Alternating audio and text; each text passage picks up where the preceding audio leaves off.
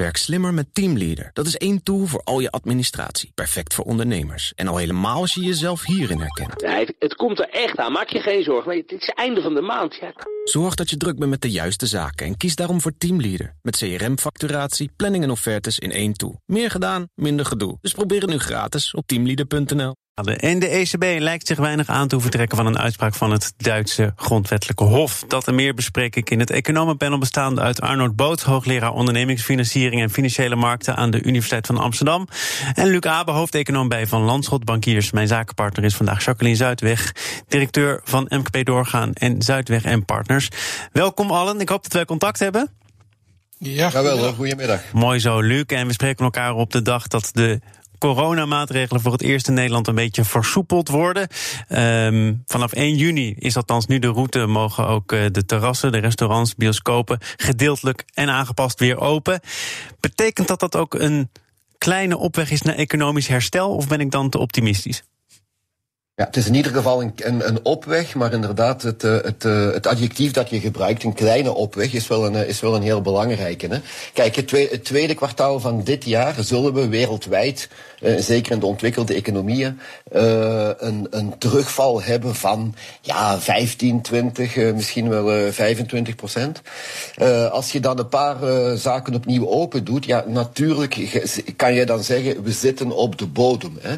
Maar uiteindelijk zitten we nog maar, of zullen we nog maar op een activiteitsniveau zitten, een, een, geproduceerd volume, zeg maar, dat, ja, pak een beetje 80% van het normale is. En als dat de volgende kwartaal 85% van het normale is, dan maak je inderdaad progressie. Maar het blijft wel in absolute zin, blijft het toch maar 80, 85% van wat je normaal zou presteren, verdienen. En dat geldt zowel voor, uh, voor, voor consumenten, voor werknemers, als ook voor, uh, voor ondernemingen. Dus ja, het dieptepunt kan best achter ons liggen als we dat virus een beetje in de hand kunnen houden. Maar vooraleer we op een normaal activiteitsvolume zitten, zullen we nog wel een paar kwartalen verder moeten, moeten kijken. Ik kwam een uitspraak tegen van Esther Barendrecht van Rabo Research, ook lid van dit economenpanel. En zij zei: alleen het feit al dat er weer gesproken wordt over de bodem en wat daarna komt, dat is al belangrijk. Ja, tuurlijk. Economie gaat over mensen. Hè. Uh, en, en mensen is een stuk ratio en ook een stuk emotie. En als die emotie, als die een beetje positief beïnvloed wordt, doordat er inderdaad gesproken wordt over lichtpuntjes, over perspectieven, ja, dan is dat natuurlijk een, een, een, een, positief, een positief ding. Hè.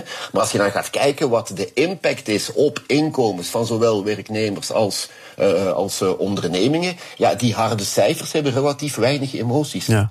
Dus in die harde cijfers is er nog wel een tijdje onder druk blijven staan. Arnoud, op alle mogelijke manieren zijn er nu bedrijven en sectoren bezig om zich aan te passen aan de anderhalve meter economie. Een anderhalve meter economie waarvan ook experts zeggen, sommigen althans, begin er maar niet aan, want je verliest zoveel verdiencapaciteit. Hier valt niet tegenop te verdienen als horeca-ondernemer. Nou, zo, zo kunnen we nog wel wat branches nagaan. Hebben die mensen gelijk? Ja, zoals, met alles in deze, uh, in deze hele moeilijke situatie die we hebben. Uh, er is geen zwart-wit. Uh, het, het, is niet een noch het ander.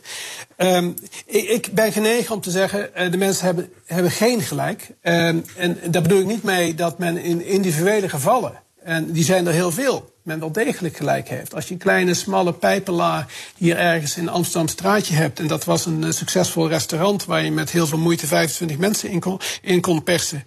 En wat betekent dat dadelijk in die anderhalve meter economie? Dat betekent dat het restaurant op die plaats geen toekomst heeft. Dus ja, de pessimisten hebben dan met betrekking tot dat restaurantje hebben gelijk. Maar als je de vraag in het algemeen stelt, zowel voor horeca... en zeker voor allerlei andere sectoren, dan hebben ze geen gelijk. Uh, mensen zijn inventief, bedrijven zijn inventief. Dus uh, op het moment dat we, die, dat we een impuls geven aan mensen om, om er iets aan te gaan doen, en bedrijven om er iets aan te gaan doen, gaat men oplossingen bedenken. En ik, sprak met een, uh, ik sprak met, een, met iemand die een accommodatie voor zakelijke evenementen verhuurt. Capaciteit, capaciteit van 900 mensen. En hij had het nu ingericht op anderhalve meter economie. indachtig het feit dat mensen naar de wc moeten, dat ze af en toe een lunch gebruiken, dat er een breakout sessie is. Capaciteit van 900 mensen. Hij kwam uit op 53 stoelen. Ja, maar dan heb je het dus over eigenlijk een beetje mijn analogie van het uh, pijpenlaadje, restaurant en een pijpenlaadje. Er zullen economische activiteiten zijn die wij in de toekomst heel anders moeten gaan organiseren. dus als er, zolang er. en ik, ik denk ook dat we, dat we er even op het gebied van uh, een vaccin, dat we pessimistisch moeten zijn. Dat het gewoon lange tijd kan kosten uh, voordat er oplossingen zijn met betrekking te, fundamentele oplossingen zijn met betrekking tot virus. En dat het dus duidelijk is eigenlijk dat we die anderhalve meter economie gewoon heel serieus moeten nemen. En dan dat aannemende, die anderhalve meter economie, zijn er niet zo heel veel onzekerheden. Het is een hele grote belemmering. Maar hoe ga je je dan organiseren? En massale evenementen ja, dat, dat is iets wat op een hele andere manier zal moeten gebeuren. En uh, die bedrijfstak, ja, die bedrijfstak, die heeft permanente schade, natuurlijk. maar ik denk trouwens dat die, die uh, ja, ik denk dat die anderhalve meter economie altijd als een plan B uh, bij, bij elk bedrijf straks op de plank zou moeten liggen. Want dit virus gaat straks hopelijk weer voorbij als er een vaccin is gevonden. Dan komt er weer een nieuw virus. En ja, dan, dan moet je kijken hoe flexibel je bent, dat je dan toch weer dit, deze maatregelen daar weer op kan inspelen. Dus die, die inventiviteit is gewoon heel erg belangrijk. En leren eh, ja, van, van wat we nu ondergaan.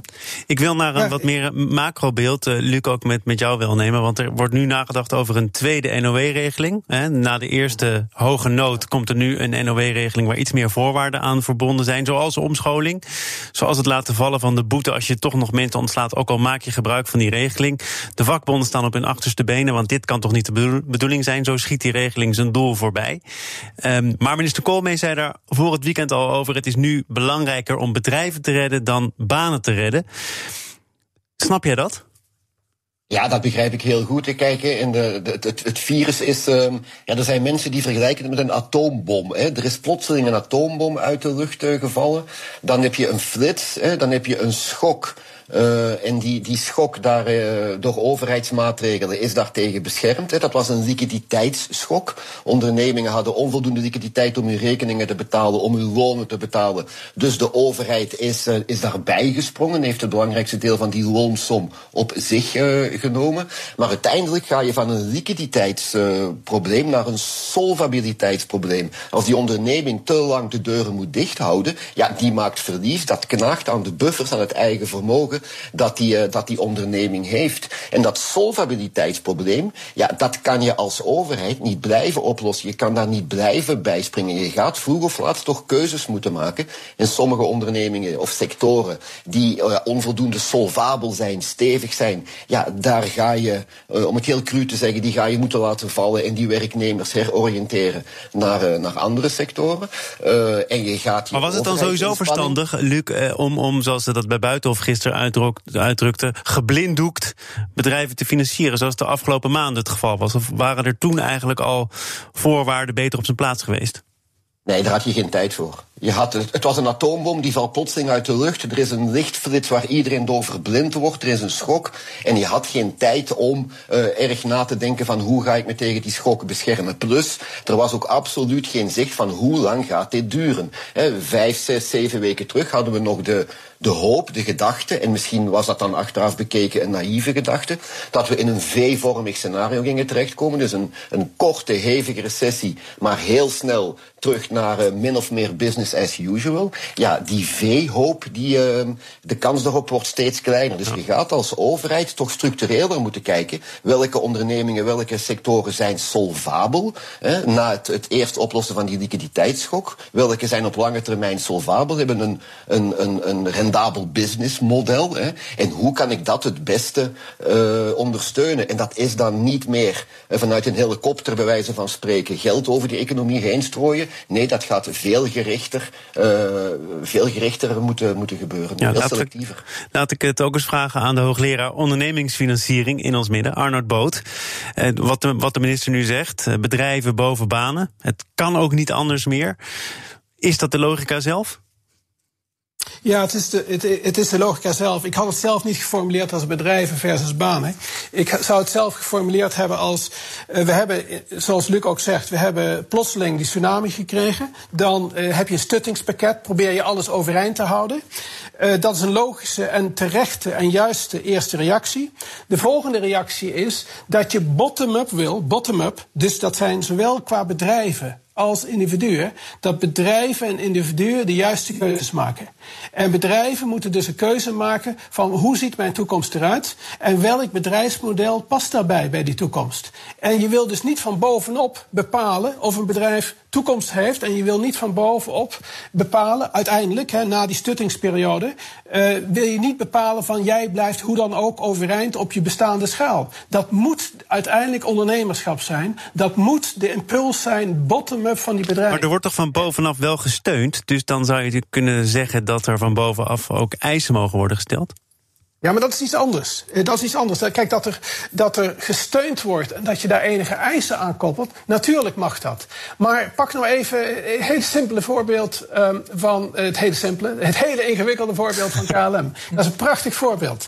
Aan de ene kant zeggen we, KLM, eigenlijk mag je geen mensen ontslaan.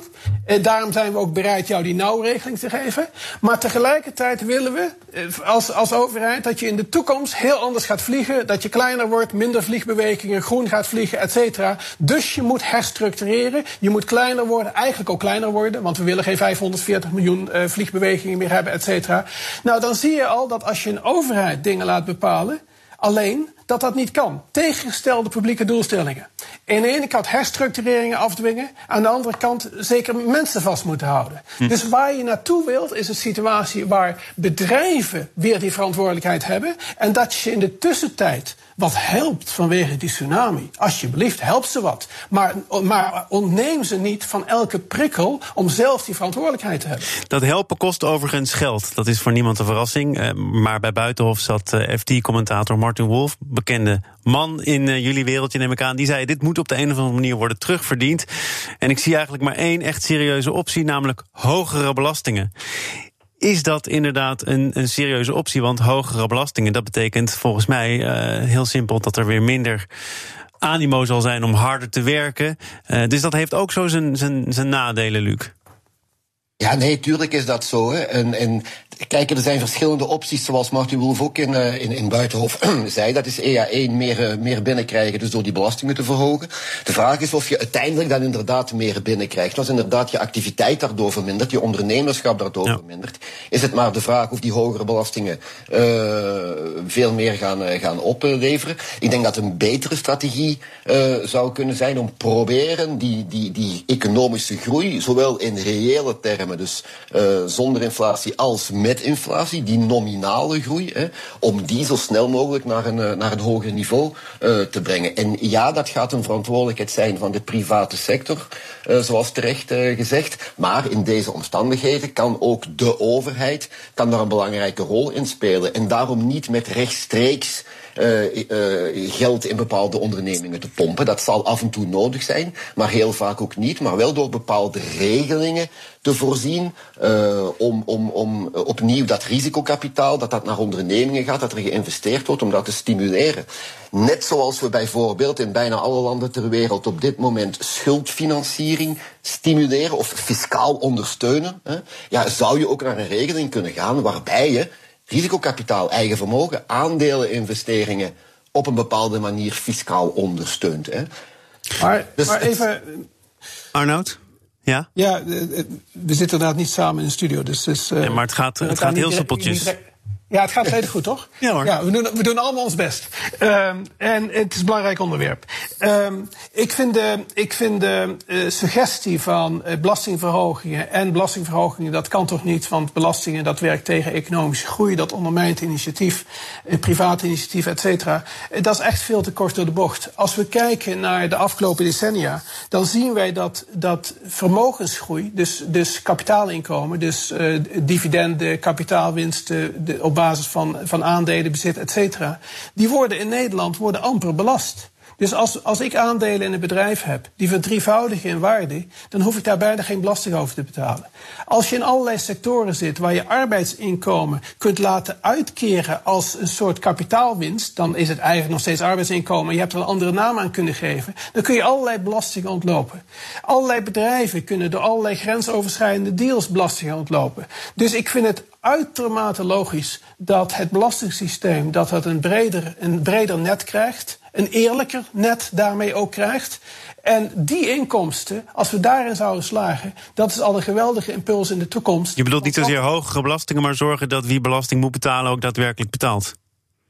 Ja, en dat kan. En, maar ook de juiste dingen belasten. Onroerend goed kan belast worden. Onroerend goed, als je dat belast, op geen enkele manier ondermijnt dat ondernemerschap. Maar wel als je marginale inkomstenbelasting gaat verhogen. Als je, daar, als je de tarievenhuizen huizen hoog maakt voor marginale inkomstenbelasting, heeft dat een hele grote invloed. Ik heb het idee dat je toch al dus- een heel eind bent gekomen met dat hele dikke boek van Piketty, of niet?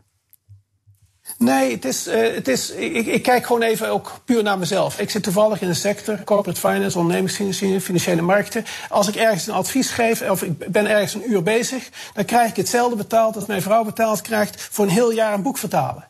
Ja, dat zijn eigenlijk de verhoudingen waar je het over hebt. Kan ik meer belasting betalen? Natuurlijk kan ik meer belasting betalen. Ga ik daardoor minder werken? Natuurlijk ga ik daar niet minder door werken. Als mijn aandelen de afgelopen twintig jaar drie keer over de kop zijn gegaan, waarom is dat helemaal niet belast? Hm. Dus ik vind er is nog zoveel te zien en daar hoef je, daar hoef je geen Piketty voor te zijn. Gewoon mainstream. Wij kunnen zeker belasting in de toekomst op de slimme manier verhogen. En dat kan bevorderlijk zijn zelfs voor economische groei. Want we hebben gezien dat er allerlei publieke voorzieningen zijn. Infrastructuur, onroerend goed. Niet onroerend goed, maar, maar trein, OV, et cetera. Waar we grote voordelen van hebben als land. Dus Jij reageerde op de korte bocht die Luc en ik samen namen. Dan nu de reactie van uh, Luc op jouw omweg. Ja, nee, natuurlijk. Ik bedoel, even om elkaar, om elkaar goed te begrijpen. Hè. Natuurlijk kan je binnen je belastingstelsel kan je gaan kijken van waar kan het wat meer, waar kan het wat minder. De structuur structuur van je belastingstelsel, dat je daaraan gaat sleutelen. Dat kan perfect en dat zal wellicht ook gebeuren. Hè. Maar als we het over in het algemeen over belastingverhogingen hebben, of lastenverhogingen, dan denk ik moeten we opletten dat we niet de fout maken die we na de eurocrisis gemaakt hebben. Hè. En na de financiële crisis, dat we relatief snel uh, naar de austerity, de bezuinigingsmodus zijn, uh, zijn overgeschakeld, omdat de begrotingstekorten opliepen, omdat de staatsschuld opliep. Ik denk dat we, dat, dat we die uh, die weg dit keer zeker niet moeten bewandelen. Dat we eerder moeten de weg moeten bewandelen van die groei, zowel reëel als nominaal, die stimuleren en liever een jaar, twee jaar, drie jaar langer wachten met in bezuinigingsmodus te gaan dan, uh, dan andersom. Dat was de boodschap eigenlijk. Dat, dat hangt een beetje boven de markt. Hè. Laten we niet weer, net als de vorige crisis, te veel gaan bezuinigen. Waarvan ook volgens mij Jeroen Dijsselbloem achteraf heeft gezegd... dat had wel een tandje minder gekund. De kans dat dat nu weer gebeurt, Arnoud, die is vrij klein, denk ik dan indachtig de vorige crisis. Ja, dat, dat, dat, denk ik ook. Dat denk ik ook. Want, dit is natuurlijk precies, inderdaad dat bezuinigen om te bezuinigen. Bezuinigen om te bezuinigen. Eh, dat was natuurlijk een buitengewoon onverstandige uh, beslissing. Uh, onverstandige keuze. Want dat had te maken met allerlei publieke infrastructuur. Dat had te maken met zaken waardoor wij als land beter gefunctioneerd hadden. Dus, dus je, moet, je moet straks zeggen: van een hogere staatsschuld is onoverkomelijk dat je door een crisis gaat en de staatsschuld hoger is. Als de rente blijft nog voor een hele lange tijd laag, dus het blijft een behapbare staatsschuld, dat voordeel heb je. Je moet niet, uh, je moet niet doorslaan naar allerlei verkwisting van geld. Dus, ik, dus bezuinigen, uh, het kritisch naar uitgaven kijken, zal altijd nodig zijn. Maar uiteindelijk kun je, kun, je, kun je door die crisis komen door juist niet te gaan bezuinigen, door goed te kijken waar je kunt investeren. Want economische groei is uiteindelijk het beste recept tegen elke staatsschuld. Laat ik eh, met jullie wel nemen, hoop ik, uh, gaan naar een van de oorzaken dat die rente zo laag is. En als ik Arnoud moet geloven, ook nog wel een tijdje laag blijft. Namelijk de ECB. Het Duitse Hof heeft daar vorige week iets over gezegd. Namelijk dat de ECB en de opkoopprogramma's van de ECB in zekere zin illegaal zijn. Dat er hoe dan ook een betere uitlegtekst moet komen om dat wat er nu gebeurt te legitimeren. Uh, Luc, wat zou er wat jou betreft in zo'n tekst moeten komen te staan om dat opkoopprogramma te rechtvaardigen? Ik zou zo'n tekst niet sturen als, als ECB zijnde. En dat, dat, lijkt ook de weg die men wil bewandelen. Um, ja, ik, ik, viel bijna van mijn, van mijn stoel vorige week toen ik, uh, toen ik dat zag. Nu, ik ben ook geen jurist, hè, maar vanuit economisch, vanuit economisch standpunt bekeken en misschien ook vanuit juridisch standpunt bekeken. Karlsruhe, dus het Duitse Hooggerechtshof, heeft daar niks aan te zeggen. De ECB legt verantwoording af aan het Europees Parlement en valt onder de jurisdictie van het Europees Hof van Justitie. En, en en dat gaat dan specifiek over dit dossier. Maar zoals al heel veel becommentarieerd is ook, maar het is wel heel belangrijk. Ja, het zou mooi worden als iedere nationaal hooggerechtshof Luxemburg, dus het Europees Hof van Justitie, zich naast zich neer kan leggen, ja, dan, dan is het uniform toepassen van de Europese wet en regelgeving over heel uh, de Europese Unie. Ja, dan kunnen we dat in de koelkast uh, steken en dan kan heel die Europese Unie begint af te brokkelen, ja. natuurlijk. Dus als ik de ECB, ik zou die tekst niet sturen. Nu, de Bundesbank zit daar in een spagaat natuurlijk, ja. want die is deel van de ECB, maar is ook Duits. Hè. Dus maximaal zou ik de Bundesbank iets laten, iets laten antwoorden. En ik wens meneer Whiteman dan heel veel succes, want hij moet dat niet gaan verdedigen waar hij altijd tegen is. Maar de, toch nog even voordat dit programma definitief verandert in eh, juridische zaken doen. Eh, de, het, het, Hof stelt vast dat bijna alle burgers door dat opkopen, dat opkoopprogramma van de ECB, zijn geraakt. Huurders, spaarders, beleggers, ze kampen met duidelijke verliezen die te herleiden zijn tot dat opkoopprogramma. En dat terwijl bankbestuurders natuurlijk niet democratisch gekozen zijn. Arnoud, snap je dan toch dat dat Hof tot dit oordeel komt? Nou, even los van het oordeel. Ik, ik, snap, uh, ik snap het ongemak. Ik snap absoluut het ongemak. Uh, want het, de hele scheiding tussen monetair beleid en, en budgetair beleid. En budgetair beleid gaat over verdeling van middelen. Waar, waarvan je toch wilt dat er een, uh, dat er een democratische legitimatie op zit. Dat, de, die verhouding tussen monetair beleid, waar de ECB voor staat. en dat budgetair beleid, waar lidstaten en de Europese Unie voor staat. dat, dat, dat zit natuurlijk krampachtig. Dat loopt krampachtig door elkaar heen. Dus, dus ik, heb, ik, ik heb begrip voor de frustraties uh, die er zijn. Uh, ja, tegelijkertijd, uh, tegelijkertijd als nationale hooggerechtshoven het Europese hooggerechtshof in wezen zouden kunnen overroelen, dan, dan is er op zijn minst onduidelijkheid over wat, uh, ja, wat de legitimering en het mandaat van de Europese, het Europese hooggerechtshof is. Dus het is een uitermate ongelukkige situatie, waar ik niet meteen zou gaan, gaan roepen tegen, de een tegenover de ander. Dus Ursula von der Leyen, dus de, de, de, de president van Europa eigenlijk, heeft, heeft gisteren een persbericht uitgebracht. waar ze zegt dat de Europese Unie, Brussel, de zaak gaat onderzoeken. en dat een infringement-procedure tegen Duitsland niet wordt uitgesloten. Hm. Een infringement-procedure, dan moet je aan denken aan uh, een Polen die zijn, die zijn rechtbanken buiten werking probeert te stellen. Dus waarbij je als Europa keihard wil ingrijpen in een lidstaat, omdat daar fundamentele rechten worden aangetast. Uh, zo interpreteer ik een infringement-situatie. En dan zeg ik, nou, Europese Unie, denk nou even na. Stuur dan niet, niet ook dat soort teksten niet de wereld rond. Kijk hoe je hier op een verstandige manier uitkomt. Want deze fricties tussen nationale soevereiniteit en Europese Unie, dat zijn fricties die we hebben. We hebben geen Verenigde Staten van Europa. Nou, maar die dus fricties horen, die, die fricties horen er toch eigenlijk ook altijd. Uh, die fricties horen er toch ook eigenlijk al, uh, misschien is dat overdreven gesteld, maar al, al 70 jaar bij. En uiteindelijk weet je toch dat Europa er meestal met het formuleren van genoeg open einden wel weer uitkomt? Ja, maar toch. Also, en mijn antwoord is ja. Maar... Dus waarom, ga je, Luc, waarom Luc? ga je dan teksten rondsturen over infringement procedures? Ja.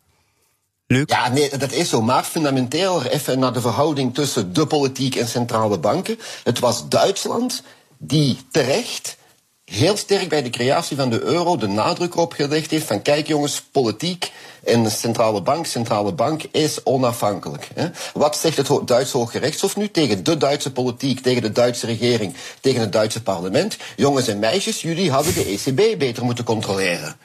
Dus dit gaat regelrecht in tegen um, ja, wat Duitsland terecht zelf altijd op, waar zij altijd op gehamerd hebben. Dus ik snap het ongemak misschien wel, maar ik, dat, men dat ongemak uitspreekt, en zeker op deze manier, daar heb ik absoluut geen begrip voor. Ik moet het, en dat pijpt mij ook, want er valt heel veel meer over te zeggen hierbij laten. Ik dank de leden van het economenpanel Arnoud Boot, hoogleraar ondernemingsfinanciering en financiële markten aan de Universiteit van Amsterdam. Luc Abe, hoofdeconoom bij Van Landschot Bankiers. En mijn zakenpartner van vandaag, Jacqueline Zuidweg, directeur van MKB Doorgaan en Zuidweg en Partners. Nog even stilte voor de storm, maar jij gaat het de komende tijd heel druk krijgen. Succes en uh, sterkte daarmee. Dankjewel. Ik uh, krijg het ook altijd nog druk genoeg. Zo is er morgen weer een uitzending. Dan is Steven van Eyck van de Rijvereniging te gast. Onder andere over een industrie die ook zware klappen te verduren krijgt. Dat allemaal morgen. Zometeen eerst Nieuwsroom. Dat is de dagelijkse podcast van het FD en BNR. Veel plezier en dus tot morgen. Werk slimmer met Teamleader. Dat is één tool voor al je administratie. Perfect voor ondernemers. En al helemaal als je jezelf hierin herkent. Ja, het, het, komt er echt aan. Maak je geen zorgen. Het is het einde van de maand. Ja. Zorg dat je druk bent met de juiste zaken. En kies daarom voor Teamleader. Met CRM-facturatie, planning en offertes in één tool. Meer gedaan, minder gedoe. Dus probeer het nu gratis op teamleader.nl.